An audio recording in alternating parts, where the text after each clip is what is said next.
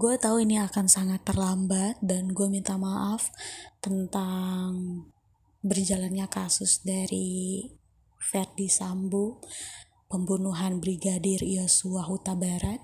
Sebenarnya gue udah beli majalah Temponya gue udah baca-baca beritanya.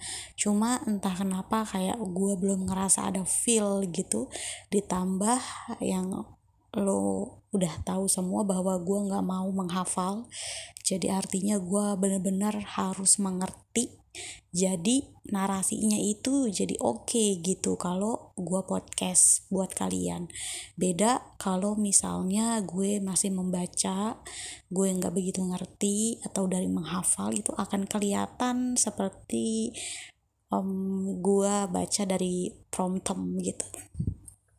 Jadi um, kalau nggak salah di bulan Februari tanggal 13 itu Verdi Sambo dan istrinya Putri Chandrawati serta satu supirnya Kuat Ma'ruf, ajudannya Ricky Rizal dan ajudannya juga yaitu Richard Eliezer.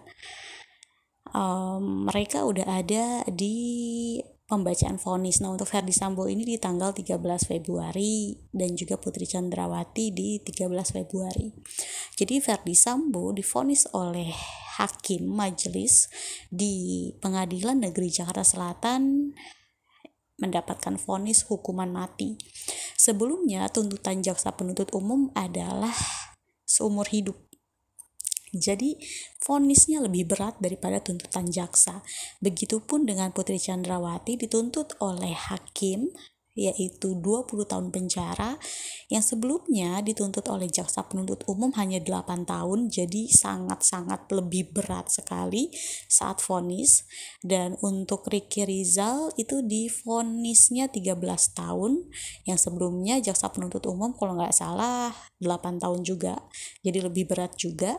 Kuat Ma'ruf itu difonis 15 tahun yang sebelumnya kalau nggak salah 8 tahun juga ini kalau nggak salah ya dan Ricky eh dan um, siapa tuh? Riz Richard Eliezer itu tadinya dituntut oleh jaksa penuntut umum adalah 12 tahun penjara tetapi difonis oleh hakim hanya satu tahun 6 bulan. Jadi sangat jauh lebih ringan saat difonis oleh hakim.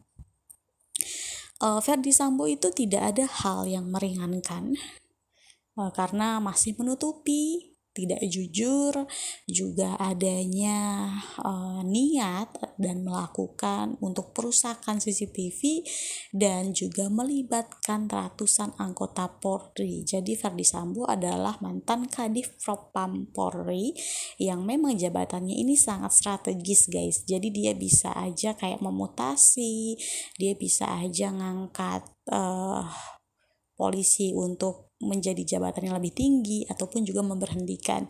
Jadi memang berada dalam jabatan yang sangat becek gitu. Dan um, Putri Chandrawati juga sama, hakim menilai bahwa tidak ada masalah pelecehan karena memang uh, almarhum Yosua dinilai tidak akan mungkin berani untuk bisa melecehkan istri dari um, jenderalnya sendiri gitu. Yang kalian harus pahami adalah bahwa Yosua ini jabatannya adalah brigadir dan jenderalnya ini bintang 2 bahkan antara Richard Eliezer yang tamtama dengan seorang jenderal bintang 2 itu beda tingkatannya adalah 20 tingkatan. Jadi itu sangat masuk akal saat Eliezer merasa tidak berdaya harus mengikuti arahan skenario dari Verdi Sambo karena merasa apa pun yang akan dilakukan kalaupun tidak setuju itu benar-benar tidak ada artinya karena uh, jabatannya pun antara Eliezer dan Verdi Sambo begitu jauhnya gitu. Dan hakim juga menegur Eliezer harusnya hmm, bisa menolak uh, bukan menolak jadi um, harusnya bisa memikirkan bagaimana perasaan Yosua karena sebenarnya mereka ini berhubungan baik gitu Kalau Kuat Ma'ruf kenapa diperberat hukumannya? Karena hakim merasa Kuat Ma'ruf ini nggak sopan selama di pengadilan gitu. Um, kalau Ricky Rizal ya dia sebenarnya ikut tahu tetapi uh, tetap berada di kubu Verdi Sambo.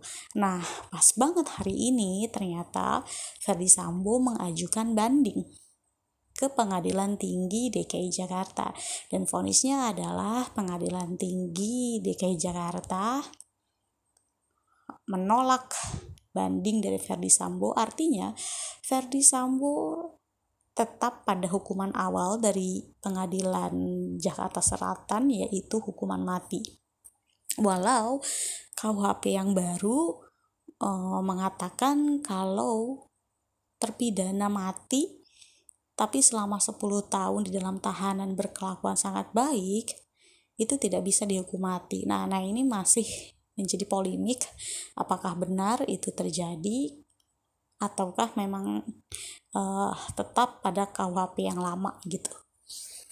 Jadi masyarakat luas saat itu benar-benar sangat apresiasi sekali oleh uh, hakim yang menangani kasus sidang Sambo yaitu ketua hakimnya adalah Bapak Wahyu Iman Santoso dengan anggota hakim adalah Alimin Ribut Surjono dan aduh yang satunya lagi tuh kalau nggak salah Morgan Simanjuntak kalau nggak salah ya maaf.